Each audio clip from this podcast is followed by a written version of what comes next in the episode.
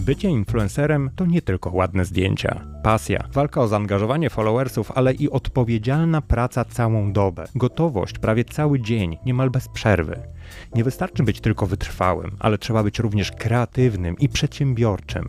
O tym, jak najlepiej zacząć swoją drogę do bycia influencerem, opowie na podstawie własnych doświadczeń gość tego odcinka. Influencerka i marketerka, właścicielka agencji marketingowej pomagająca ukraińskim markom osiąść w polskiej rzeczywistości gospodarczej. Promotorka jogi, tak w niej zakochana, że postanowiła otworzyć własne studio w Warszawie. Pewnie się domyślacie, że rozmowa z moim gościem, Mariną Fatkuliną Szulchą, zapowiada się bardzo ciekawie.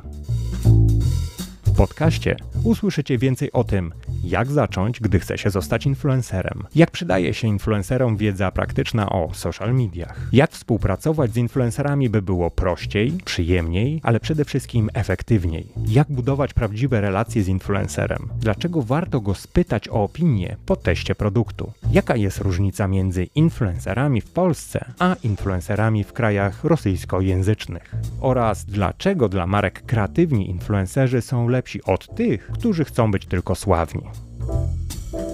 Słuchacie podcastu Marketing z ludzką twarzą, który jest skierowany do pasjonatów marketingu nieustannie poszerzających swoją wiedzę i zwyczajnie ciekawych świata oraz do marketerów i osób poszukujących inspiracji, którzy podobnie jak ja wyznają regułę, że warto rozmawiać i wymieniać się opiniami.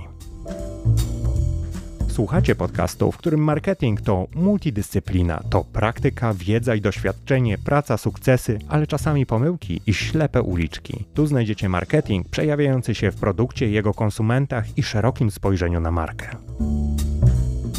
Podcast ten ma Wam ukazać marketing, który wciąż się rozwija, który jest otwarty na swobodną wymianę informacji, dzielenie się wiedzą i osobistym doświadczeniem z innymi. Podcast którym można posłuchać swobodnej rozmowy ekspertów, którzy chcą dzielić się z Wami swoim subiektywnym punktem widzenia. Zapraszam do wspólnego spędzenia czasu i wysłuchania ósmego odcinka drugiego sezonu podcastu Marketing z ludzką twarzą. Odcinka zatytułowanego Rozmowa o przenikaniu ról marketerki, influencerki i bizneswoman. Ja nazywam się Andrzej Wierzchoń, a moim gościem jest Marina Fatkulina-Szulcha, influencerka i marketerka, właścicielka agencji Ulala, pomagającej osadzić ukraińskie marki na polskim rynku oraz założycielka studia jogi Jogowo, osoba, która łączy świat polsko- i rosyjskojęzycznych influencerów. Posłuchajcie naszej rozmowy. Marina, bardzo Ci dziękuję, że znalazłaś czas, żeby się pojawić w moim podcaście. E, dziękuję Ci też również za zaproszenie. Jest mi mega miło. Jest to spotkanie zupełnie nieplanowane. Powiem szczerze, że to jest mój pierwszy podcast po polsku. Jeszcze raz dziękuję i myślę, że też będę mogła podzielić się jakimś fajnym e, doświadczeniem swoim, informacją. No, Marina, nie, nie ukrywajmy, robimy to dla osób, które chcą poszerzyć swoje horyzonty, a zwyczajnie po prostu chcą czasami posłuchać czegoś dla odprężenia, a nie musi być nauka nauka. Od tego, od czego chciałbym zacząć, to jest sprawa związana z tymi różnicami. Ty jesteś influencerką, ty jesteś właścicielką agencji PR-owej. Kim jesteś? Jak byś siebie określiła? E, ja jestem influencerką, jestem e, właścicielką agencji social mediowej. Też teraz jestem właścicielką e, studii jogi w Warszawie, więc jestem taką różnorodną osobą, bardzo aktywną. No, ogólnie przez ostatnie 4 lata zajmuję się marketingiem.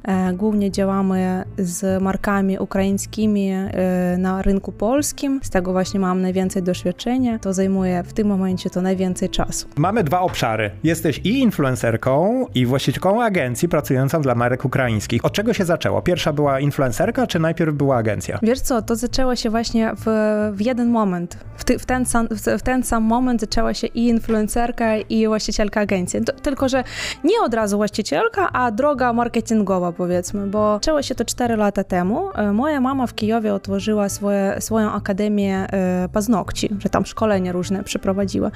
No i było tak, że ja zajmowała się od razu wszystkim, tym wszystkim online'em. Ja nie wybierałam, że po prostu tak się stało. I powiem szczerze, że ja bardzo cały czas lubiłam social media, Instagram. Na, na 8 lat temu ja byłam zarejestrowana e, prawie od samego początku, no tylko, że nie dodawałam aż tak zdjęć. No jeszcze nie było tego e, pojęcia, tak? Influencer, bloger, po prostu tego nie było. Ale... Nie mogę się z tym zgodzić, że zaczęło się od influencerki. Absolutnie, zaczęłaś pierwsze swoje kroki, jeżeli chodzi o obsługę marketingową. No, raczej tak. Raczej to, no, jeśli pod tym względem, to tak. Ale powiem szczerze, że działałam raczej na odczuciach swoich, na początku, bo wtedy nie było aż tak dużo tych kursów, szkoleń, jak jest teraz. Chyba nikt za bardzo wtedy wiedzy nie miał, prawda? Nie, nie. ja y, przyznam się, jak, jak moja droga się zaczęła. Ja na stronie Freelance UA, na takiej ukraińskiej stronie, chyba w Polsce te, też jest jak, jakaś, jakaś podobna, ja chciałam nauczyć się czegoś, a nie mogłam znaleźć kursy i wtedy na tej stronie ja y, znalazłam marketingowca, taką dziewczynę, która jakby, y, ona napisała swoje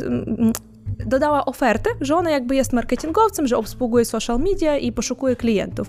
A ja poszłam od innej strony, że chciałam u niej czegoś się nauczyć. I ja do niej napisałam, że ja nie jestem jakby twoją potencjalną klientką, tylko chcę czegoś się nauczyć.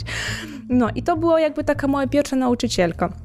Bo wtedy, jak mówię, no nie było ani szkoleń, ani, no może jakieś były, ale na pewno nie w takim, e, nie w takiej ilości, jak jest teraz. No nie, to teraz to praktycznie już każdy myśli o tym, żeby zrobić karierę influencera. Ty nie musisz o tym myśleć, ty po prostu tę karierę już masz. Tak, e, ja, wiesz, ja nie myślałam o tym, że to będzie jakaś kariera, tak? To po prostu robiłam to, co lubię, naprawdę. Ja zawsze lubiłam robić zdjęcia, coś pisać, dzielić się swoimi myślami, a jeśli chodzi o jakby e, blog, to blog mój się zaczął, zaczął się od zupełnie innego tematu, nie od tematów marketingowych.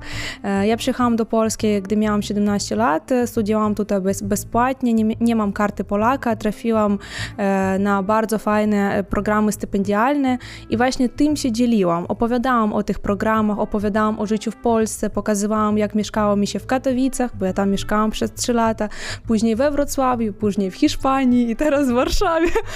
No, więc to było po prostu taki, zaczął się od tego blogu lifestyle'owego, i ja bardzo lubiłam to. Nie zarabiałam na tym w ogóle, naprawdę. Po prostu dzieliłam się informacją, którą, którą posiadałam. To chyba dobra droga, żeby zacząć najpierw od pasji, a później przejść do bardziej monetyzacji tej sławy. Na pewno. To ja innej drogi po prostu nie widzę. Naprawdę. Nawet teraz to, co robię związane ze studio jogi, to poszło z pasji. Ja też rozumiem, że każdy biznes potrzebuje czas na rozkręcenie i gdy jest twój własny biznes, no to wiadomo, że chcesz jak najbardziej zarabiać już z tego, no ale też tutaj, no jasne, dobrze widzę i rozumiem, że tego nie będzie od razu, ale tak lubię to i rozumiem, że jaki wkład to jest w, ży w życiu innych osób, że to nie tylko jakieś tam e, ćwiczenia, tak? To jest e, dużo głębiej. No, ty poszłaś już w interpretację nawet w stronę jogi, już taką filozofię bardziej, e, jeżeli chodzi o influencing, ale co byś poradziła osobom, które zaczynają? Powiedziałaś już przed chwilą, nie zaczynałaś od myślenia o monetyzacji, tylko zaczęłaś od pasji. Co byś mogła takim osobom powiedzieć, jeżeli chodzi o ich początki? Czy powinny myśleć o jakichś specjalnych przygotowaniach, czy po prostu zacząć publikować, zacząć realizować się? Jeśli chodzi o blogging, no to na pewno po prostu zaczynać. Wiadomo, że trzeba rozumieć, co ty będziesz opowiadać, tak? Że jaki, jakie tematy twojego bloga, bloga będą. Jeśli to lifestyle, no to też dokładnie musisz rozumieć, co, co znaczy ten lifestyle. Czy będziesz gotować, czy będziesz,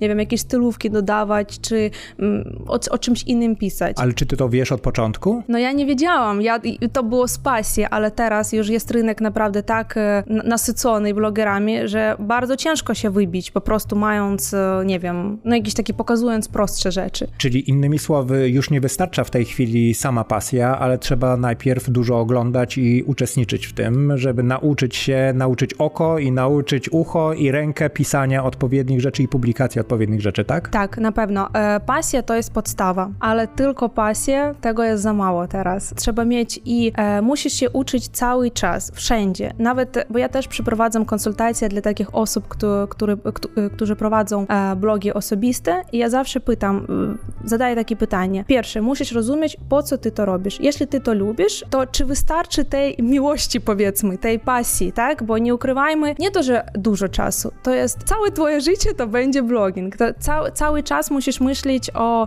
swoich odbiorcach, co pokazać, w jaki sposób pokazać, czyli jaki jest cel końcowy, tak? Że czy chcesz później to monetyzować, czy chcesz coś sprzedawać, czy chcesz sprzedawać swoją ekspertyzę, czy, e, no, czy naprawdę wystarczy tej pasji, czy po prostu dla siebie. No bo e, rozmawialiśmy nawet przed wejściem e, już tutaj do studia, rozmawialiśmy o tym, że bycie influencerem to jest praca tak naprawdę 24 godziny na dobę. No, ja się z tym zgadzam, bo ty jesteś odpowiedzialny za to, co pokazujesz, co piszesz, jak reagujesz i im więcej jakby pokazujesz swoich emocji, tym bliżej jesteś do tych osób, którzy cię oglądają. Ale to znaczy, że musisz być prawdziwa w tym, tak. co robisz, czy już prawdziwa plus kreować jeszcze swoją personality? Ja myślę, że to jest wszystko i musisz, prawdziwym na pewno musisz być, bo ludzie to odczuwają, to na 100%, nawet jak gdy naprawdę nie mam humoru, ale rozumiem, że no, no, no muszę coś dodawać, tak, bo ludzie czekają, no to zawsze, zawsze piszą, Malina, co się stało, albo e, no, albo po, po, prostu, nie wiem, tam jakieś reakcje mi wysyłają, że coś jest nie tak, że to naprawdę jest bardzo, bardzo odczuwalne. To jest trochę też lustro, innymi słowy, dlatego, że wśród tych twoich followersów e, odkrywasz osoby, które bardzo dobrze ciebie będą czuły. Tak, i będą, y, bardzo dużo osób mnie wspierają też w różnych pytaniach, czy to psychologicznie, czy coś, nie wiem, nawet jak pytam o jakieś takie banalne rzeczy, gdzie pójść tam do restauracji, poleczcie mi coś, tak, no to zawsze, zawsze jest feedback. Zaraz, zaraz, czyli to nie jest fake związany z tym, że influencerzy po prostu pytają kogoś w sieci na przykład, gdzie pójść na zakupy, czy coś e, zrobić, tylko po prostu faktycznie chcą się dowiedzieć od swoich followersów, tak? I tak i nie.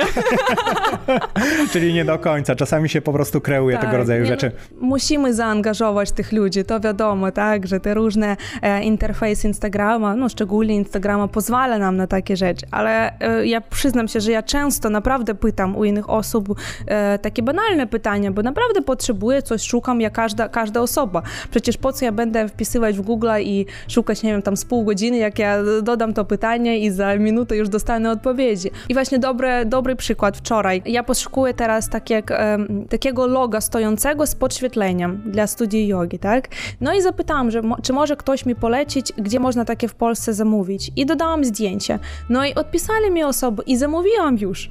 Przecież ja nie wiem, jakby ja to szukałam e, e, na, w Google, pisałam, wysyłam zdjęcia. To po prostu tak skróciło mi czas, że no, ja jestem bardzo wdzięczna i sobie oczywiście, że tak, takich ludzi mam, no i tym ludziom, którzy no, tak, tak mi odbierają też. No bo to jest jakby twoja praca jednak mimo wszystko, bo to kim jesteś, ściągasz takich, a nie inne, e, może tak, to kim jesteś ściąga odpowiednie osoby z twojego e, powiedzmy z kanału, e, bliżej ciebie i w tym momencie możesz na nich liczyć lub nie, czyli innymi słowy, te osoby, które są wokół ciebie followersami, trochę ciebie reprezentują de facto. Na pewno. To jest moje community. Ja zawsze mówię, że to jest e, nie blog, to jest marka osobista.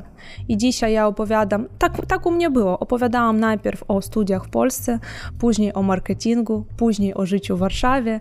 Teraz tam pokazuję, jak tworzę biznes, jakie projekty prowadzę i też lifestyle i te same, te, te same ludzie mi oglądają. Wiadomo, że najpierw prowadziłam po rosyjsku, teraz tylko po polsku i niektórzy odpadły przez to, że nie rozumieją, ale i tak ta większość e, tych, którzy mieszkają w Polsce została, nie patrząc na to, jaki, jaki temat e, jakby mm, o jakim temacie mówię. No ja słyszałem właśnie o tym, że osoby, często obcokrajowcy, no bo może już ciebie tak, za takiego obcokrajowca nie uważam, ale obcokrajowcy przyjeżdżający do Polski, którzy z czasem jak gdyby już bardziej osiadają, po, zaczynają posługiwać się językiem polskim, zaczynają stawać przed wyzwaniem dotyczącym e, decyzji czy decyzja jest, zostaje w swoim języku natywnym e, i swoim, e, jak gdyby swojej narracji poprzedniej, e, jeżeli chodzi o powstanie bloga, czy, czy kanału komunikacji na social mediach, czy też zmienić ten język na ten, gdzie aktualnie jestem. Dla kogo tak naprawdę pisać? Czy w Twoim przypadku pisanie dla Ukraińców i Polaków po polsku to jest trudne, czy było łatwiejsze pisanie dla Ukraińców po rosyjsku i ukraińsku? To była dla mnie bardzo, bardzo ciężka decyzja, przyznam się.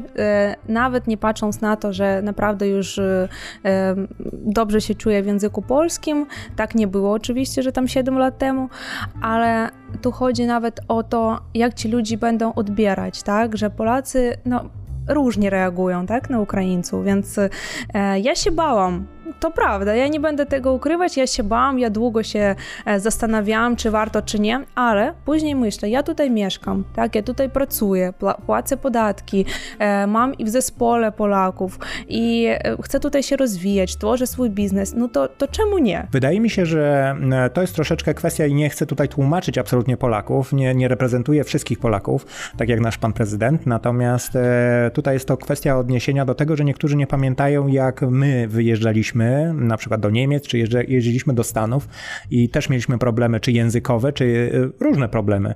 E, też musieliśmy się gdzieś asymilować i gdzieś musieliśmy się dostosowywać. I wydaje mi się, że w pewnym momencie, jak gdyby to jest dla nas tak oczywiste, że po prostu gdzieś znika w, prze, w przedziałach jak gdyby przeszłości, e, ale to ich nie tłumaczy, powiem ci w ten sposób i wydaje mi się, że tutaj ogromny szacunek dla ciebie, jeżeli chodzi o to zaparcie i to nie chodzi o kadzenie przysłowiowe sobie nawzajem, tylko muszę powiedzieć, że mało osób zdecydowałoby się na właśnie taki ruch, jaki ty wykonałaś w kontekście języka polskiego w, dla Polaka, dla innego języka. W związku z czym teraz biorąc to wszystko pod uwagę, e, powiedz mi, w twojej perspektywie e, kwestia wejścia do Polski to była kwestia wyboru, czy powiedzmy sobie sytuacji życiowej i przypadku? E, to była kwestia e, przypadku, przyznam się. Ja jestem, pochodzę z Kijowa i chciałam mieszkać w swoim mieście, tylko że tak się stało, miałam wtedy chłopaka, który się przeprowadzał. E, już z nim nie jestem, ale... Pozdrawiamy chłopaka, który tak, ściągnął pozdrawiam, on wrócił do Kijowa, więc... E, no, tak się stało po prostu. To nie było moim marzeniem i przyznam się, że pierwsze spotkanie miałam właśnie z miastem Katowice. E, to jest mniejsze miasto, dużo mniejsze niż Kijów na przykład i było mi bardzo, bardzo ciężko. E, chciałam wrócić do, na Ukrainę, chciałam wrócić do swojego domu. Miałam wtedy 17 15 lat, mieszkałam w akademiku sama. E, no, no, było ciężko, ale później już z perspektywy jakby przyszłości widziałam, że w tym momencie to nie chcę wracać. Wiesz co, powiem ci w ten sposób. Polacy bardzo często w tej chwili wyjeżdżają na studia gdzieś i przeżywają dokładnie to samo w innych krajach, w związku z czym to nie jest przypisane ani do narodowości, ani do Katowic, Warszawy, Paryża czy e, jakiegoś innego miasta w innym rejonie świata. Po prostu zwyczajnie to jest związane z przemieszczeniem się do innej kultury, kultury, do innego języka i to z takimi chyba problemami będą borykać się wszyscy bez względu na język, pochodzenie, po prostu zwyczajnie przez to trzeba przejść i przeżyć. Doskonale to powinni ci rozumieć, którzy przeszli, a ci, którzy nie przeszli, powinni to zwyczajnie zaobserwować i po prostu przyznać jako, jako pewnik. Od twojej strony jak gdyby biznesowej, ty zaczynasz rozwijać się mocno biznesowo, właściwie nie zaczynasz się, tylko rozwinęła się biznesowo, a zaczynasz jak gdyby rozrastać się w kontekście nowych biznesów. E, bardziej chcesz iść w kierunku konsultingu, czy jak gdyby ta narracja związana z byciem influencerem tobie jest potrzebna do tego, żeby realizować swoje prywatne cele w kontekście tego, żeby dzielić się własnym doświadczeniem z innymi osobami? Ja nie wiem, jak się ułoży w przyszłości. W tym momencie to jestem bardzo skupiona na swoich biznesach i to doświadczenie, które otrzymałam w ciągu tych czterech lat, to bardzo dobrze wdrążam i realizuję w tych, w tych projektach, które mam teraz. Więc e, consulting raczej, raczej nie, e, w tym momencie jeszcze przeprowadzę takie konsultacje, ale nie dążę do tego. Raczej po prostu to będą swoje projekty, swoje biznes. No i teraz patrząc na to, w jaki sposób się rozwijasz, powiedz mi, gdzie za chwilę będziesz? Gdzieś wysoko bardzo. Rozumiem, czyli masz e, duże, duże ciśnienie, żeby jednak mimo wszystko osiągnąć więcej niż w tej chwili. Teraz będzie salon jogi, który też e, właśnie poruszyłaś ten temat, e, powstał jak gdyby z koncepcji wynikającej z ciebie, z twojego wnętrza. Tak, ja zawsze od urodzenia byłam bardzo aktywnym i dzieckiem, później już osobą i i też był czas, kiedy pracowałam w korporacji dość długo, ale to nie jest mój tryb życia, tryb, styl życia, tak? Ja lubię sama zarządzać swoim czasem. Ja mogę pracować 24 na 7, ale muszę wiedzieć, dlaczego ja to robię. I dla mnie jakoś jest bardzo ważne e, rozumieć, że wszystko zależy od, ode mnie i że im więcej ja robię, e, tym więcej jakby udaje się osiągnąć. W sensie, że nie tak, że dużo pracuję i dużo mam pieniędzy. Nie, tylko że po prostu moje myśli, moje działania e, bezpośrednio wpływają na mój, na mój rezultat, tak? To mówisz ty jako osoba dorosła, ale zanim do tego doszłaś, to bardziej wynikało to z, jak to oceniasz, e, z twojej osobowości, czy bardziej wynika z tego, że napotkałaś na swojej drodze osoby, które pokazały ci tę drogę, ewentualnie dały ci jakiś zaczyn i to spowodowało, że doszło do, w twojej głowie do rozwoju e, osobistego? E, myślę, że tak podstawą to było to, że ja jestem taka, zawsze taka byłam. Jak przyjechałam do Polski, to pamiętam dobrze ten moment. Przyjechałam ja i przyjechała jeszcze koleżanka z mamą. No to moja mama siedzi, kawkę pije, uśmiecha się, coś tam z kimś rozmawiam, ja załatwiam rzeczy, podpisuję dokumenty, a ta druga mama lata po, tym, po tej uczelni, wszystko załatwia za swoją córkę. No, czyli dla mnie, ja byłam E, zawsze byłam taka, naprawdę. I e, tak, nie ukrywam tego, że też na mojej drodze byli takie osoby, które też mi pokazali.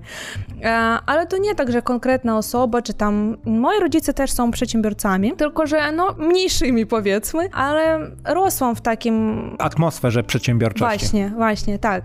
no i nie ukrywajmy też, że teraz jest taki czas, że wszyscy chcą coś, coś mieć, swój biznes, jakieś projekty, no i jestem po prostu ambitną osobą i chciałam to. Chciałam to i też było strasznie, że tak, y, na przykład firma, korporacja, w której pracujesz, to stabilność, tak, że 17, komputer zamknęłeś, laptop i idziesz do domu sobie tam e, spędzać czas ze swoimi bliskimi. Że biznes to, to, to może brzmieć tak fajnie i kolorowo, ale nie zawsze tak jest. No, ale ja lubię to. Ja naprawdę, ja nie wyobrażam innego, innej opcji. Jeżeli teraz byśmy zebrali twoje doświadczenie doświadczenia, bo pracowałaś i w korporacji, e, teraz masz doświadczenia z własnego biznesu, to wszystko się rozwija, masz e, jakby te dwa obszary możliwość porównać w tej chwili. To powiedz, jak byś poleciła osobom, które mogłyby nas słuchać, bo być może słuchają nas osoby, które dopiero zaczynają swoją drogę, jak byś to rozdzieliła, jakby można było przyspieszyć ten efekt wyboru prawidłowego, czyli zadecydować o tym, tak, zostaję w korporacji, albo nie, chcę spróbować swojej e, szansy, chcę spróbować E, swojego rozwoju i po swojemu chce zacząć swoją karierę. Wszyscy jesteśmy różni, tak? I nie będę mówiła, że praca w firmie czy w korporacji to jest źle, czy to jest nie tak, że musi być inaczej. Nie, ja naprawdę mam bardzo dużo znajomych, kolegów, którzy pracują w korporacji i, i cieszą się z tego, lubią tą pracę, czyli to wracamy znowu do tej miłości, czym się zajmujesz. Czyli jeśli chodzi o marketing, to ja bym poleciła zacząć od jakiejś firmy, bo tam e, zdobysz najwięcej doświadczenia.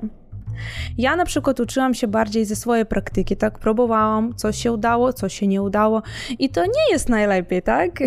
Czyli jak przychodzisz i za rok masz już taki bagaż do, doświadczenia w różnych e, jakby kierunkach, tak? A przez 4 lata sam wszystkiego próbujesz, to jest różnica. Więc e, trzeba odczuwać, jak ty chcesz, tak? E, raczej ja bym poleciła zacząć od firmy, od agencji marketingowej, jeśli chodzi o marketing tak będzie łatwiej zdobyć to pierwsze doświadczenie. No a później ewentualnie spróbować i samodzielnie ocenić. Tak, tak też mi się wydaje, e, że tak jest. E, z własnego doświadczenia muszę powiedzieć, że to jest dość, e, dość ciekawe i dosyć wygodne doświadczenie, dlatego że daje z jednej strony bezpieczeństwo i czas na naukę, a z drugiej strony możliwość zadecydowania później. Ja na przykład zostałem bardziej po stronie korporacyjnej. Ja bardziej doceniam na przykład pracę związaną z korporacją, stabilizacją, ale też jednocześnie możliwościami, ale i pomijaniem albo wymijaniem trudności związanych właśnie z pracą w dużych organizacjach, które mają czasami mniejszą, a czasami gigantyczną dynamikę. To zależy. E, powiedz teraz, jakbyśmy e, przeszli przez e, Twoją historię w kontekście bycia influencerką, a jednocześnie działania w obszarze realizacji jako kobieta. To powiedz, jak obserwujesz, jakbyś oceniła w tej chwili to, co dzieje się na rynku influencerskim? Czyli widzisz bardziej więcej zagrożeń, które idą w tym kierunku związanym z bycie sławnym szybko, bo ja to tak mniej więcej mogę ocenić i czy to jest prawda według ciebie, czy może widzisz w tym szansę możliwości wybicia się osób, które dotychczas może nie miałyby takiej szansy, gdyby nie influencing? Wiesz co, ja jestem i po tej, i po tej drugiej stronie tak naprawdę, bo to jest prawda, że teraz wszyscy chcą być popularni, zarabiać dużo pieniędzy, patrząc na innych blogerów. Reklama kosztuje kilka tysięcy, a ty tylko e, poświęcisz na to kilka minut, tak? Ale. E, właśnie, wracając do tej szczerości, tak, i do tego, do, do, do tego, mm, do tej grupy odbiorcy, który, którzy wszystko, wszystko odczuwają, tak? Ja bym powiedziała tak, że tak, to jest bardzo duży trend teraz. Wszyscy chcą, ale nie wszyscy rozumieją, co za tym jest. I też e, jest taki trend nakręcania lajków, e, followersów i tak dalej. Oczywiście, że nie jestem za to. Jestem bardzo przeciwnikiem takich działań.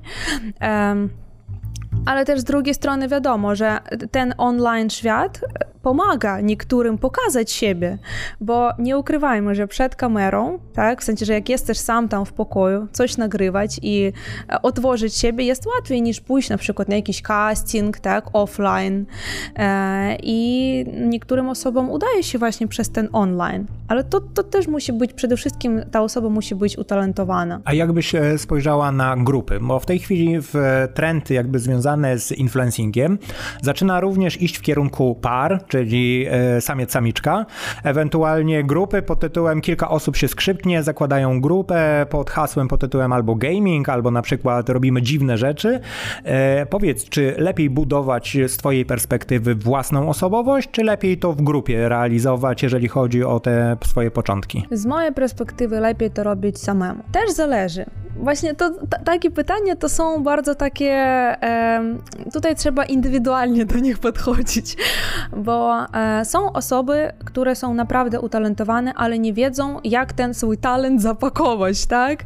I z tej strony na pewno lepiej iść do na przykład takiego teamu, gdzie ci zrobią wszystko, zrobią ci branding, tak? Zrobią twoją markę. Oczywiście, że bardzo szybko wyrośniesz, ale też musisz wiedzieć, że jak coś się stanie, albo tam kontrakt się skończy, to później zostaniesz z niczym, tak? A umowy tych kontraktów, bo ja wiem, jak to wygląda w niektórych e, takich tych teamach, w tych firmach, że później zostajesz po prostu z niczym. A jeżeli chodzi o kwestię związaną później z opuszczeniem takiej grupy, wydaje ci się, że zostawiasz tam część siebie w takiej grupie, czy możesz później budować swoją osobowość już niezależnie? Mi się wydaje, że ta część zostaje. I też ludzie kojarzą ciebie, że jesteś stąd, bo tamte osoby ci pokazali i od nich jakby wyrosłeś. Chciałem ci zadać takie pytanie, które powtarza się dość często w kontekście porównania rynków. E, ty łączysz w sobie dwa rynki, właśnie rosyjskojęzyczny i polskojęzyczny. Masz jak gdyby tą perspektywę szerszą e, w kontekście wschodu i powiedzmy sobie tego CE bardziej. E, mówię tutaj o polskim rynku. Powiedz mi, te różnice występują, ja je widzę. A jak ty byś je określiła? Czym różni się rynek już nie tylko ukraiński, ale w ogóle rosyjskojęzyczny od polskojęzycznego, jeżeli chodzi o influencerów? To jest e, bardzo, bardzo duża różnica. Osoby rosyjskojęzyczne mieszkające, tak, tam Rosja, Ukraina, Białoruś, e, Kazachstan też, oni się tak angażują w to, no, y, niestety tutaj no, nie spotykałam się z takim. Nie będę oczywiście mówić o wszystkich, wiadomo, że tutaj Nie generalizujemy. Są, tak, tak, tak. Są, e, są blogerzy, których ja uwielbiam, po, Polacy, bardzo lubię i oglądam, i, YouTube, i youtuberzy, i na Instagramie działają, ale jakby ogólnie u nas osoby bardzo się poświęcają, jeśli chodzi o zdjęcia, o stories, relacje, tam reklamy że ty nie musisz im wysyłać jakby te, tego briefa, nie musisz mówić, jak to pokazać, gdzie dać tą kamerę, tak, jak nagrać, że jakby ten, ten swój swoją kreatywność oni sami wdrażają. Właśnie to jest bardzo duża różnica. Czyli nie trzeba ich e, ukierunkowywać, oni dużo więcej sami z siebie proponują, tak? Tak, tak. To jest coś, co ja też mogę potwierdzić, no bo faktycznie tak to, tak to wygląda. Ja na początku stanąłem okoniem, jeżeli chodzi o kwestie związane z porównywaniem rynków, bo zawsze uznawałem, że rynki są różne i trzeba je różnie traktować. Natomiast e, w rzeczywistości okazuje się, że mentalnie jesteśmy bardzo bliscy sobie, e, natomiast muszę potwierdzić, ja jako Polak, skoro już te nacjonalizmy już tam wchodzą, no to już pal licho, niech będą, to przepraszamy Polaków, ale faktycznie jak gdyby procent zaangażowania, jakość tego zaangażowania jest inna. To znaczy mówię tutaj o, o jednak mimo wszystko mniejszym zaangażowaniu w kontekście to, co się bezpośrednio robi, chociaż tak jak ty mówisz, ja też mogę się podpisać pod tym, że uwielbiam polskie blogi. E, ja akurat jestem mniej rosyjskojęzyczny, natomiast mogę to obserwować, no i patrzę też na statystyki.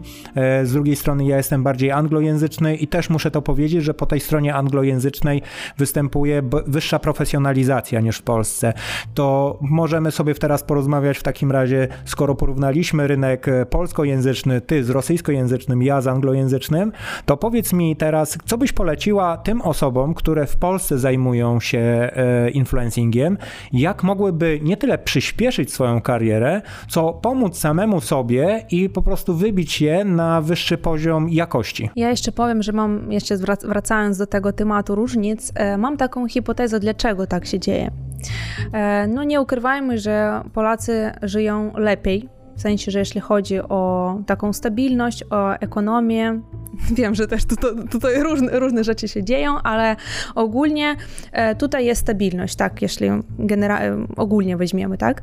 A na Ukrainie, ja będę mówić o Ukrainie, bo tam mieszkałam, no i przyjeżdżam bardzo często i wiem, jak tam wygląda życie. Wszyscy chcą być przedsiębiorcami, a ta droga nie jest łatwa. Ani tutaj, ani tam. U nas osoby jakoś złapali się za ten blogging. Ja nie wiem, w Polsce też takiego nie zauważyłam, że u nas każdy drugi, każda druga chce być blogerem i bardzo dużo do tego robi. I właśnie to zaangażowanie to jest też taka konkurencja, tak? Że e, u nas jest taki, taka mm, baza 10 tam 20 influencerów na Ukrainie, takich większych, które zadają trendy. I właśnie e, to są bardzo wysokie trendy, bo te osoby e, współpracują z bardzo dużymi markami, z markami e, klasy premium i oni właśnie też zwracają swoją uwagę na tych anglojęzycznych blogerów, gdzie poziom już jest naprawdę bardzo wysoki.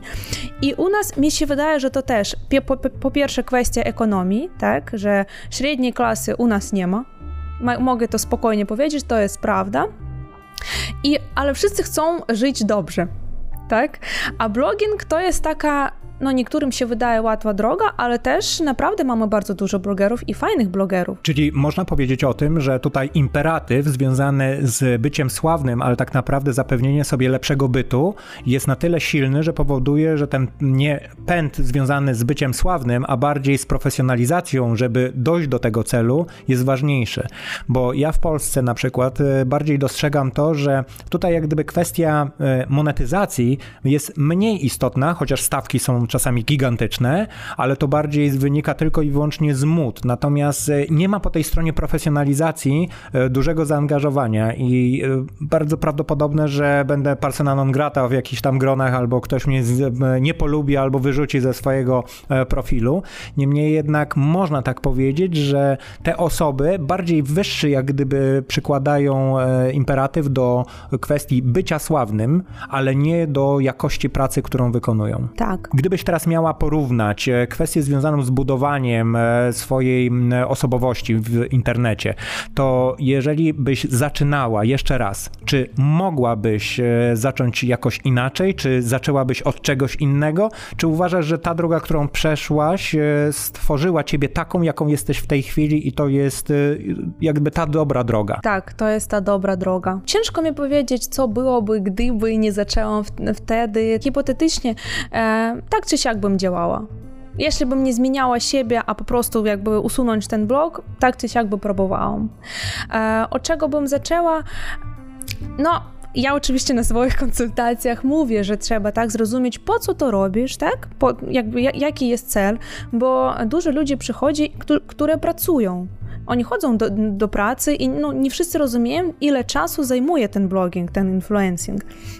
Czyli ja bym zaczęła mm, od, no właśnie, najważniejszego pytania, po co ty to robisz, tak? Jaki jest twój cel? Później zrozumieć, mm, co ty możesz przekazywać ludziom. To nie chodzi o, że, że, że nie wiem, tylko jakiś tam eksperci mogą być blogerami, influencerami. Nie, ale jeśli masz, na przykład chcesz pokazywać swój lifestyle, no to też to trzeba w sposób kreatywny pokazać, no bo niestety inaczej ludzie po prostu nie będą tego oglądali. Ale kreatywność i kwestia postrzegania jak gdyby analizy danych związanej z odpływem lub też przybywaniem nowych followersów na twoje konto, to jest jak gdyby ten jeden aspekt, ale zanim jak gdyby podjęliśmy się tego podcastu, rozmawialiśmy też o odpowiedzialności. Czy ty czujesz odpowiedzialność za to, co publikujesz? Tak, bardzo. I miałam sytuację, kiedy nie przemyślałam to, co powiedziałam i miałam problemy. Czyli do tego stopnia, że to jak gdyby komuś mogło zaszkodzić. Tak, no ja, ja miałam rację, tak? To, to naprawdę po prostu pokazałam prawdę całą, tak? Ale to trzeba też umieć e, prawidłowo i tak e, legalnie powiedzmy przedstawić innym osobom, bo inaczej może być to, może to się kończyć nie tak fajnie. Jak... Kiedy poczułaś e, pierwszy raz, e, że jesteś influencerką, że masz wpływ na to, co inni myślą, robią? E, pierwszy raz to było gdzieś trzy lata temu gdy my z moją koleżanką, my prowadziliśmy swoje prywatne blogi oraz jeden wspólny, Jestem w Polsce, nazywał się ten blog. Już go nie mam, ale e, właśnie wtedy opowiadaliśmy o życiu w Polsce, o programach studenckich i tak dalej. I wtedy zebraliśmy grupę, aby wyjechać e, w góry. I wtedy zebraliśmy 65 osób. I w tym momencie to nie, nie było żadnej reklamy. To był tylko nasza, nasza, nasz profil na Instagramie, osoby, które nas obserwują, które nas tam lajkują, lubią i tak dalej. E, I wtedy, jak ja siadłam w ten bus, my siedzieliśmy z tą koleżanką z przodu i ja myślę, Boże, te osoby nam naprawdę ufają, wiedzą, że teraz pojedziemy w jakieś fajne miejsce że wszyscy chcą zrobić zdjęcie wspólne. To chyba był ten pierwszy moment, gdy się poczułam, że tak mam jakiś wpływ. I to było ten moment, kiedy poczułaś, że jesteś prawdziwą influencerką? Ja, wiesz co, ja nawet teraz nie mogę powiedzieć, że jestem taką prawdziwą, no w sensie, że jestem influencerką, tylko nie posiadam aż tak dużo jakichś obserwatorów, ale to jest takie grono ludzi, których ja lubię i oni mi lubią. I to jest twoje community, czyli twoi nie przyjaciele, bo dla mnie jest to bardzo ważne, że e, ty nie nazywasz swoich followersów przyjaciółmi, e, dlatego że nie do końca się znacie. Czy to jest prawda? Bo y, niektórzy jak gdyby dosyć szybko forują jak gdyby takie opinie, że to są moi przyjaciele, e, mam wielu przyjaciół w sieci i tak dalej, i tak dalej. Kim jest followers dla ciebie, a kim jest przyjaciel? Ja lubię słowo czytelnicy. Bo ja ogólnie nie lubię tych głośnych słów. Kochani, e, przyjaciele, naprawdę ja nigdy nie mówię cześć kochani, dzień dobry kochani. To tylko jakby moje, moje poglądy na to, ale jak do mnie ktoś podejdzie, czy coś napisze, tak, że albo tam coś zapyta, ja zawsze jestem otwarta, zawsze. Ale oczywiście, że nie znam każdego, kto mnie tam obserwuje, czyta i tak dalej. Ja odbieram tych osób jako community. Właśnie, jak już powiedziałam, e, osoby, którym i mogę pomóc, jeżeli jestem jakby w stanie. I też e, czekam jakby, jeśli będę potrzebowała ich pomoc, no to będzie mi miło, gdy też mi pomogą. A co sądzisz o tych osobach, mówię o influencerach, innych influencerach, e, którzy bardzo szybko właśnie wchodzą ten aspekt takiej prywatności, jeżeli chodzi o relacje. Czy to jest ok, czy, czy wolałabyś jednak mimo wszystko nie być nazywana przez kogoś innego, kogo tylko i wyłącznie obserwujesz na Instagramie przyjacielem? E, ja bym nie chciała. Ja lubię szczerość. E, są różni ludzie, tak, że jeśli odbiorcy lubią taką, taką influencerkę i odbierają jej w taki w dobry sposób, gdy ona mówi, że tam kochanie, czy coś tam, tak, taką bliskość, to jest okej. Okay. Czyli jeszcze dla niej jest okej, okay, dla nich jest okej, okay. każdy znajdzie swoją grupę docelową, to na pewno, ale w moim przypadku ja, mm, to dla mnie już takie bardziej intymne rzeczy, naprawdę. E, to są moi znajomi którym ja pomogę, jeśli będą potrzebowali. No dobrze, nie męczę cię już z tymi przyjaciółmi, jak to wygląda, ale um, chciałbym cię podpytać o rzeczy, która wykracza jak gdyby poza influencing, a przejść bardziej do strony tej profesjonalnej, czyli współpracy z influencerami, bo i tę stronę znasz. Nie tylko współpracuje się z tobą, ale to ty współpracujesz również z inf innymi influencerami, tak? To prawda? Tak, częściej właśnie jest to drugie. Powiedz e, z twojej perspektywy, e, ty jesteś w stanie w tej chwili powiedzieć mi, jak odbierasz obecny trend, bo ja się z tym bardzo często właśnie spotykam w każdej niemalże rozmowie. Dzisiaj na przykład takie dwie odbyłem, kiedy wszyscy dookoła mówią tak, nie, nie, nie, mikroinfluencerzy e, to są tacy, którzy generują większe zaangażowanie, oni są bardziej prawdziwi i tak dalej, a ci makroinfluencerzy to są tacy, którzy mają tylko lajki, oni tylko zasięg generują, no i biorą kupę forsy za to, co robią. Jak ty na to patrzysz? Ja na to patrzę w ten sposób, że e, to zależy od osoby W moim doświadczeniu miałam reklamy u blogerów, którzy mają milion obserwatorów i było prawie zero efektu. I ostatnio też miałam, byłam bardzo przyjemnie zdziwiona e, u dziewczyny 50 tysięcy, no to nie jest może aż mikroinfluencer, ale nie aż tak dużo jak taki dość większy influencerzy. Ona miała ma 55 tysięcy i od niej był naprawdę e, taki, taka reakcja dobra i zamówienia i ludzie, no, no było widać, że tej osobie ufają i to jest najważniejsze. Ja zauważyłam też e, taką, taki trend, że e, celebryci, tak? To, to, to, też są influencerzy, tylko że będziemy tak... E, inna kategoria inna influencerów, kategoria. tak, bo tak, oni z czegoś tak. innego wyrośli i dla tak. mnie to też jest ważne, żeby wydzielić taką grupę influencerów, bardzo słusznie, że na to zwróciłaś uwagę, bo ja też jakby w sposób natywny inaczej do tego podchodzę.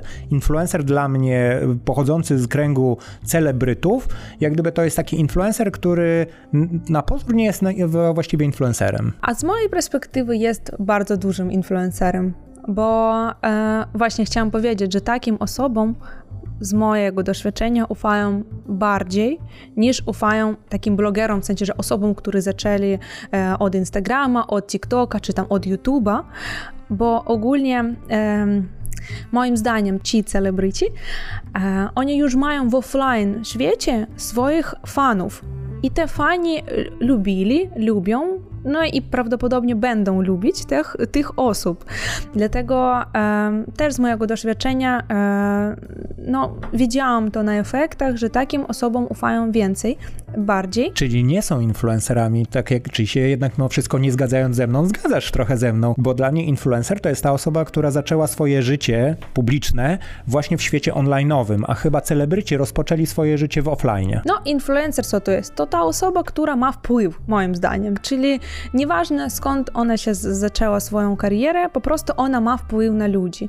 Tak naprawdę to celebryci jeszcze do Instagrama byli influencerami, tak? Bo reklamy na przykład na billboardach. Czyli zanim Instagram tak. się pojawił, już byli. No tak, no i historia nie zaczyna się świata od, od pojawienia się Instagrama, tylko dużo wcześniej, jak gdyby celebryci od zawsze chyba wyznaczali na swój sposób trendy. Tak, tylko że też celebryt może mieć inny wizerunek i już nie będzie influencerem, tak? Tu chodzi o po prostu to ufanie ludzi. Czyli to może być mała, mały bloger, który ma 2000 obserwatorów. Właśnie ja tak miałam ostatnio. To jest dziewczyna z Ukrainy. Ona nie ma dużo, 2000-2200, ale jej tak ufają i tak reagują na to, co ona pokazuje.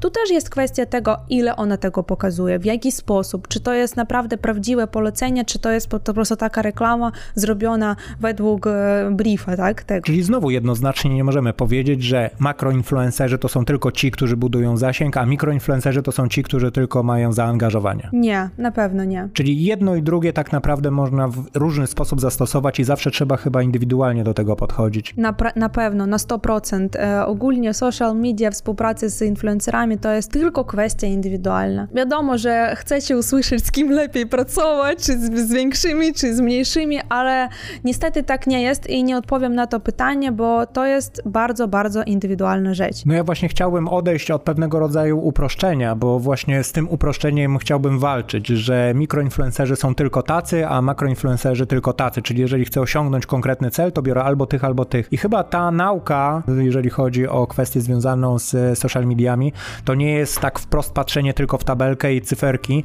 ale bardziej słuchanie, y, trochę ucho, trochę oko, trochę serce y, i jednak mimo wszystko umiejętności związane, jak gdyby i doświadczenie z tym, co już się z nimi zrobiło, ewentualnie doświadczenie innych, takich jak ty na przykład, którzy takie, takie osoby obsługują. Tak, e, no dla mnie na przykład przy współpracy bardzo jest ważne najpierw zaobserwować tą osobę.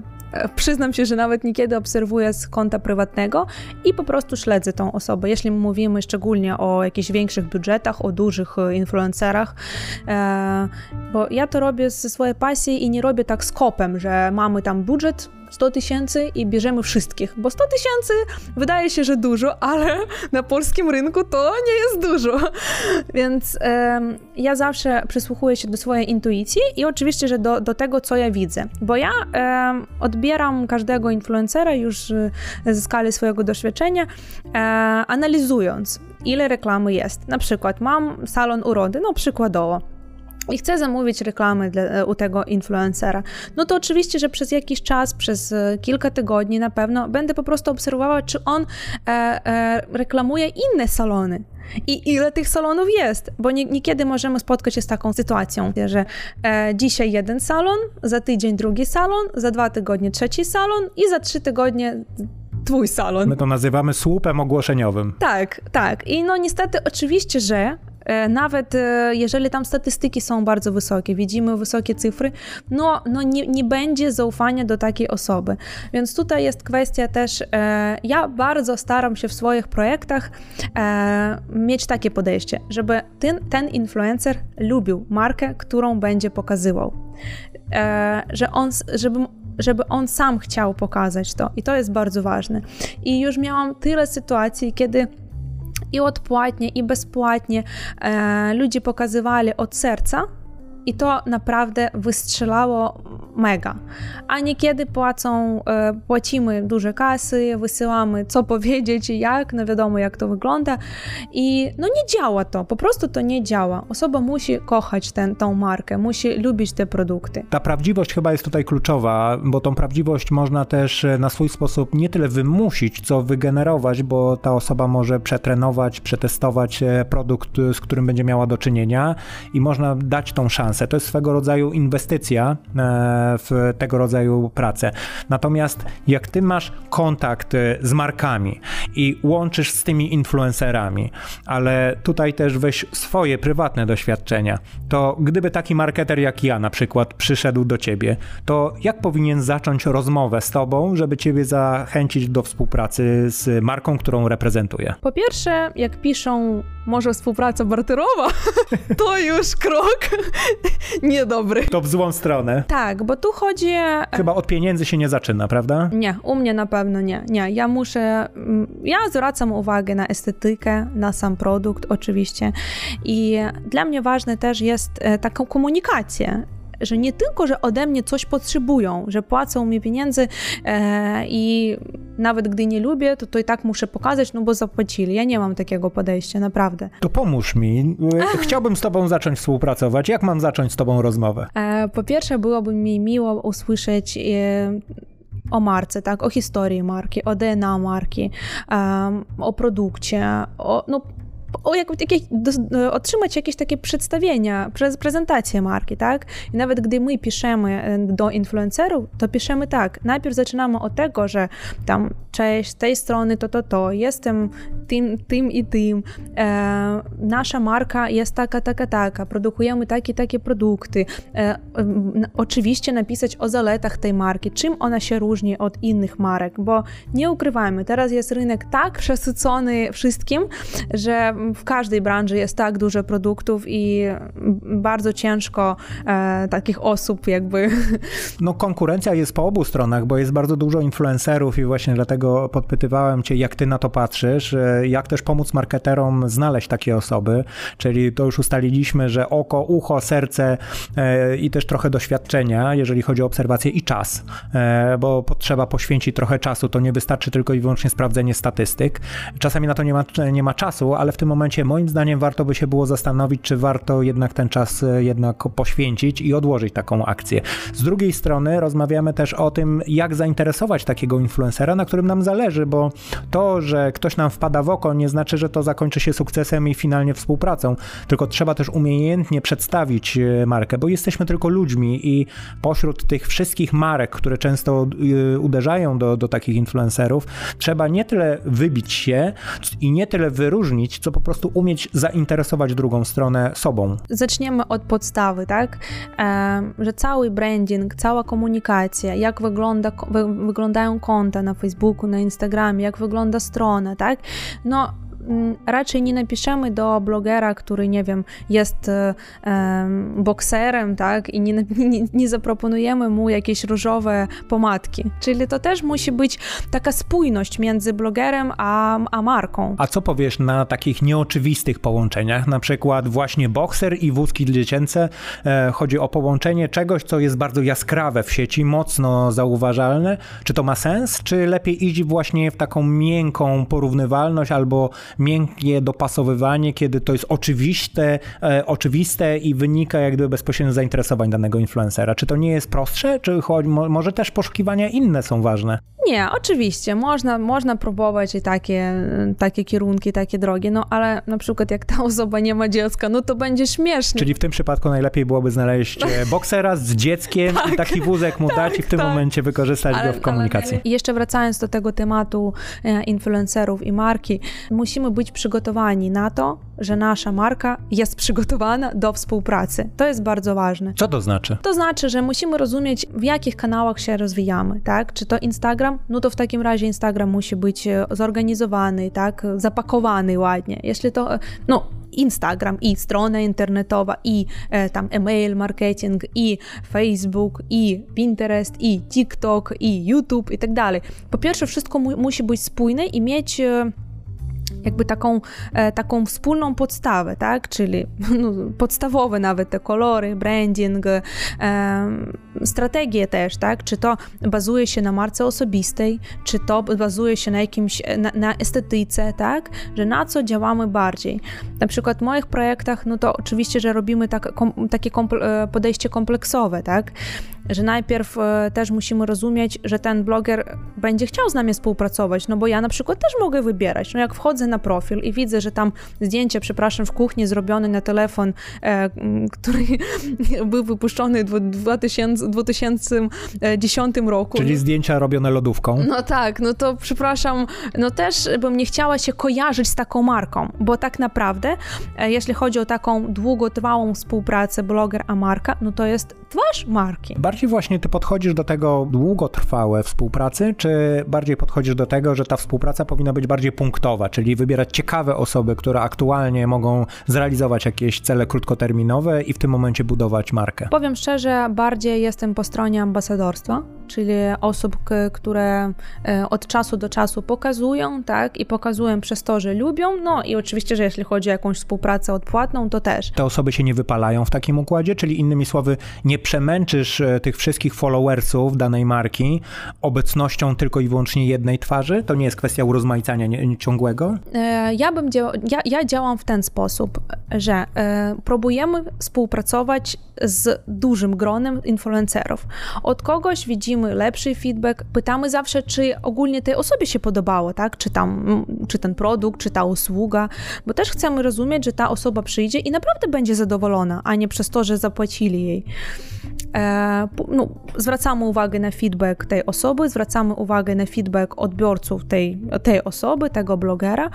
No i ja jestem jak najbardziej za, to, za, to, e, za tą współpracę e, długotrwałą, tak? To nie musi być jedna osoba i oczywiście, że to musi być okresowo, że nie tak tam co tydzień, oczywiście, że wtedy tak no, na pewno przemęczymy, tak? I, I to już no, no nie, nie, nie, nie będzie tak od, od serca, tak? Mm, więc taka współpraca na przykład raz na miesiąc albo tam raz na dwa miesiące z takimi ambasadorami, e, to jak najbardziej ale to też chodzi o jakby rodzaj współpracy, że niekiedy mamy fajne przesyłki, nowy produkt, no i po prostu dajemy tej osobie. Ona będzie chciała pokazać, czy nie będzie chciała, no to już jej jakby decyzja, ale pokazuje to nie tak, że znowu to samo opowiada o marce, kupujcie. Nie, po prostu pokazuje. A, a odbiorcy co widzą? Widzą, że o, znowu ta marka, o, ona naprawdę je ta osoba może, może nawet nas nie oznaczać, ale i tak ludzie widzą to. Więc tutaj chodzi o no, wracamy znowu do tej miłości, tak, i do marki, e, no i, i do tej szczerości, więc e, też zależy. Poruszyłaś bardzo ciekawy temat przed chwilą, mianowicie coś, co się niezwykle rzadko przewija w dyskusjach marketerów, mianowicie feedback samego influencera. Powiedz mi, ile osób cię spytało dotychczas o twój feedback w kontekście współpracy z daną marką, czyli z nimi samymi? Powiem szczerze, bardzo mało. Bardzo mało i... To jest chyba trochę przedmiotowe traktowanie influencerów również, na zasadzie em, to jest konkretny cel do osiągnięcia, tu są pieniądze, proszę realizuj. Ja bym tutaj miała inne podejście, zupełnie takie przyjacielskie, bo takie podejście to jest e, e, droga długo. Dlatego my zawsze pytamy, zawsze pytamy, czy, czy tam e, jak smakowało, jeśli to jakiś, jakiś, jakiś produkt, tak? E, albo czy nie bolało, jeśli tam przykład depilacja razerowa przypadkiem, e, albo no cokolwiek, tak? Zawsze dla nas jest ważne, bo ta osoba, już jeszcze raz to powiem, jest twarzą twarzą twojej marki. Jak myślisz, tą przedmiotową komunikację, przepraszam, że tak to nazywam, no ale to tak na potrzeby tego podcastu w tej chwili po prostu nazwijmy, czyli brak chęci spytania tego influencera o to, to zepchnęli się sami influencerzy, czy to bardziej jest przedmiotowe traktowanie marek na zasadzie e, po prostu zamówionej usługi? Moim zdaniem to jest traktowanie marek. E, influencerzy też są różni. Tak, ktoś, ktoś odpisze, no było ok, było spoko, ale większość, jak ty taką komunikację zrobisz, że no nie to, że tylko zrobisz, a naprawdę jakby się martwisz, tak, jak poszło tam, jak było, no to osoba nie odpisze, że ok. No tyle miałam już takich e, sytuacji, że i pisali, że coś było nie tak, ale napisali to nam, a nie napisali tam komuś, tak? W sensie, że nie dodali to na relację, żeby to zobaczyło większe grono ludzi. No wiadomo, że różne sytuacje się zdarzają i pisali dłuższe takie odpowiedzi, tak? Że i fajnie, i e, mąż tam ostatnio mieliśmy taką fajną sytuację, że e, mam markę e, zdrowych słodyczy marka ukraińska. No i jedna influencerka napisała, że wy wyszlijcie mi jeszcze, bo mój mąż wszystko zjadł, że to takie dobre. Albo tam dzieci wszystko zjedli. No i, i, to, jest, to jest właśnie ta szczerość i ta linia kontaktu. To jest coś, co się bardzo pokrywa z tym, w jaki sposób zacząłem podchodzić do influencerów, podejście do konsumenta, gdzie influencer jest konsumentem, a w rzeczywistości później doszło do pewnego rodzaju transformacji, kiedy wszyscy jesteśmy konsumentami. Warto jest z punktu widzenia marki pytać pytać swojego konsumenta o feedback związany z daną marką, czy coś zmienić, czy coś poprawić. Czyli innymi słowy, właśnie budowanie partnerstwa i tego dialogu, który jest tak naprawdę podstawą wszystkiego, jeżeli chodzi o prawidłowy rozwój i marki, i partnerstwa, właśnie współpracy. Tak, ja znowu się zgadzam z tym, bo e, tak czy siak produkt się będzie zmieniał tak? Teraz mamy jeden produkt, produkt, później on będzie się tam transformował się w inny produkt, czy zmienimy w ogóle jakąś linię, ale musimy wiedzieć, co ludzie potrzebują, a kto, jak nie nasz klient, tak, nie nasz konsument, to powie. Co odpowiesz takim wszystkim osobom, które mówią w ten sposób? Przecież taki influencer nic złego nie powie na taką markę, dostaje od nich pieniądze. No ja się nie zgadzam bo no, no miałam tak, że, że ludzie mówili, co było nie tak. Była jedna influencerka, która wprost napisała, sorry, ja nie jem słodyczy, ja nie lubię słodyczy, więc... E, no, nie, nie jem cukru i nie jestem zainteresowana. No ale to byłaby kwestia niedopasowania gdyby produktu do e, samej influencerki. Natomiast co w momencie, kiedy właśnie często jest zarzucane influencerom to, że oni przecież i tak e, realizują jakieś cele za pieniądze, w związku z czym trudno, żeby negowali to, co robią. No tutaj trzeba ciuć po prostu. Taka intuicja no, musi być. Tutaj niestety e, no, no, ciężko nam e, przeczytać myśli tej osoby co ona tak naprawdę mm, sobie tam w głowie ma, tak? Ale tak czy siak pytać trzeba. Czyli innymi słowy, trzeba troszeczkę zaufać sobie nawzajem, a trzeba też ufać samemu sobie, jeżeli chodzi o własną intuicję, trzeba się też uczyć i obserwować. I też być przygotowanym na to, że komuś coś może się nie podobać i to jest normalne. I tak jesteśmy tutaj dlatego, żeby sprzedawać, tak? Jeśli chodzi o marki. Świetnie, że poruszyłaś ten ten temat, bo już powoli zbliżamy się do końca tego podcastu. E, niemniej jednak na sam koniec podejmijmy ten jeden temat i to trudny temat. To nie chodzi właśnie o pieniądze, paradoksalnie, bo o pieniądzach wcześniej rozmawialiśmy. Podobno pieniądze są tym najcięższym tematem, ale w przypadku influencerów najcięższym tematem chyba jest to, czy influencer jest sprzedażowy, czy ten influencer sprzedaje. Powiedz mi, czy to jest w ogóle ważne, czy można powiedzieć o kimś, że ktoś sprzedaje albo ktoś nie sprzedaje? Powiem tak, że też w reklamie są różne cele że niektóre, nie, niektóre marki e, chcą nie sprzedać, tylko pokazać, że ta osoba e, korzysta się z tych usług czy z tego produktu, więc to jest raczej o e, tak, taką znowu twarzą, tak? E, I też, jeśli chodzi o influencerów, to też jest, nie jest taka sprzedaż wprost to jest też taka, takie kojarzenie, że na przykład y, klient tam, follower, zobaczył raz u jednego influencera, później u drugiego, później reklama targetowana, reklama na Facebooku, później jakaś tam wysyłka, e, później gdzieś w sklepie, no i później kupił, nawet nie chcąc, bo chce spróbować. Więc tutaj zgadzam się z tym, że są influencerzy, którzy nie sprzedają. Świetnie, bo, bo ja też mam do tego takie podejście. Innymi słowy, gdzie budujemy jak gdyby wokół marketingu swe, swego rodzaju ekosystem, kiedy konsument jest w stanie dotknąć tej marki, spotkać się z nią, czy w online, czy w offline, w zależności od tego, jaka to jest marka i jaka to jest strategia, ale niemniej jednak nie opieramy chyba tylko i wyłącznie na influencerach sprzedaży, e, bo ja wiem, że są influencerzy, którzy mają własne marki. Wiem, że influencerzy sprzedają własne produkty. Ty za chwilę będziesz promować e, własne studio jogi. Już promuję. Już promujesz. E, I, I wiem, że to się dzieje, ale to jest troszeczkę coś innego niż budowanie w oparciu o osobę jedną tylko i wyłącznie całego procesu sprzedażowego. Ja jeszcze chcę dodać, e, że Często współpracujemy na przykład z markami osobistymi, czyli ta osoba może mieć tysiąc followersów, ale ona jest właścicielem większej marki, tak, z którą potencjalnie też będziemy współpracować. I to działanie też jest mega ważne, bo tutaj na pewno nie nastawiamy się na sprzedaż, tak. Raczej te osoby nie sprzedają reklamy i tutaj już jest znowu ta, e, ta komunikacja między nami, tak, ten kontakt, że później przy współpracy z tą marką, że jakaś kolaboracja, czy jakieś wspólne działanie, to już jest inaczej. Świetnie, bardzo Ci dziękuję.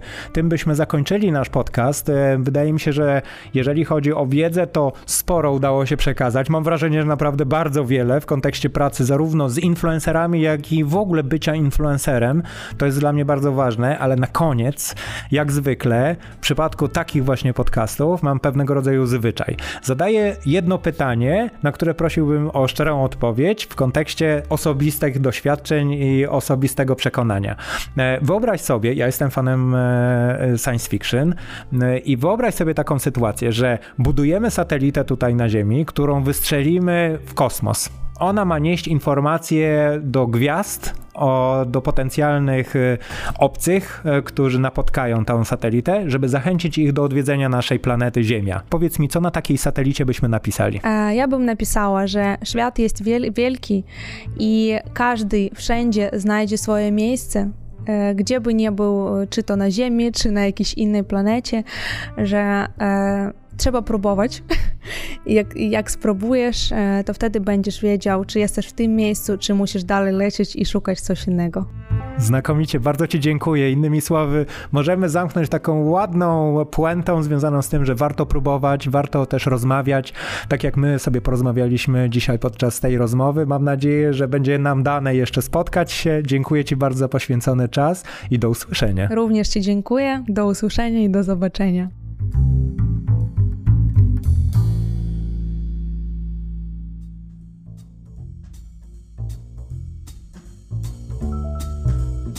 Wysłuchaliście przed chwilą ósmego odcinka drugiego sezonu podcastu Marketing z ludzką twarzą.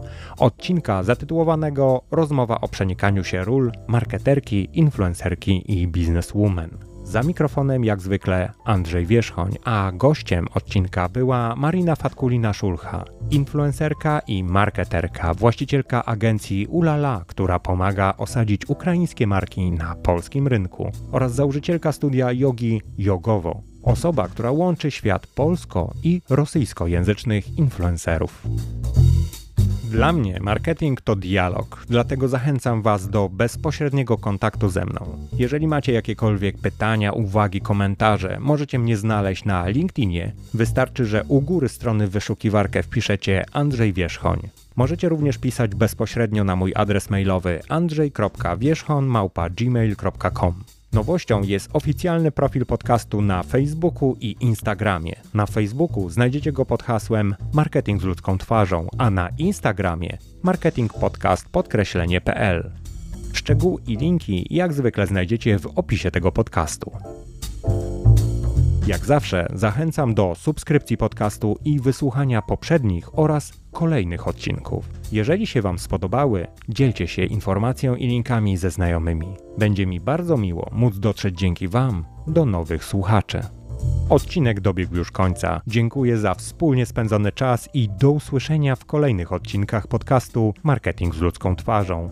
Subiektywnego podcastu o marketingu, influencerach, marce i jej konsumentach. Odcinek dobiegł już końca. Dziękuję za wspólnie spędzony czas i do usłyszenia w kolejnych odcinkach.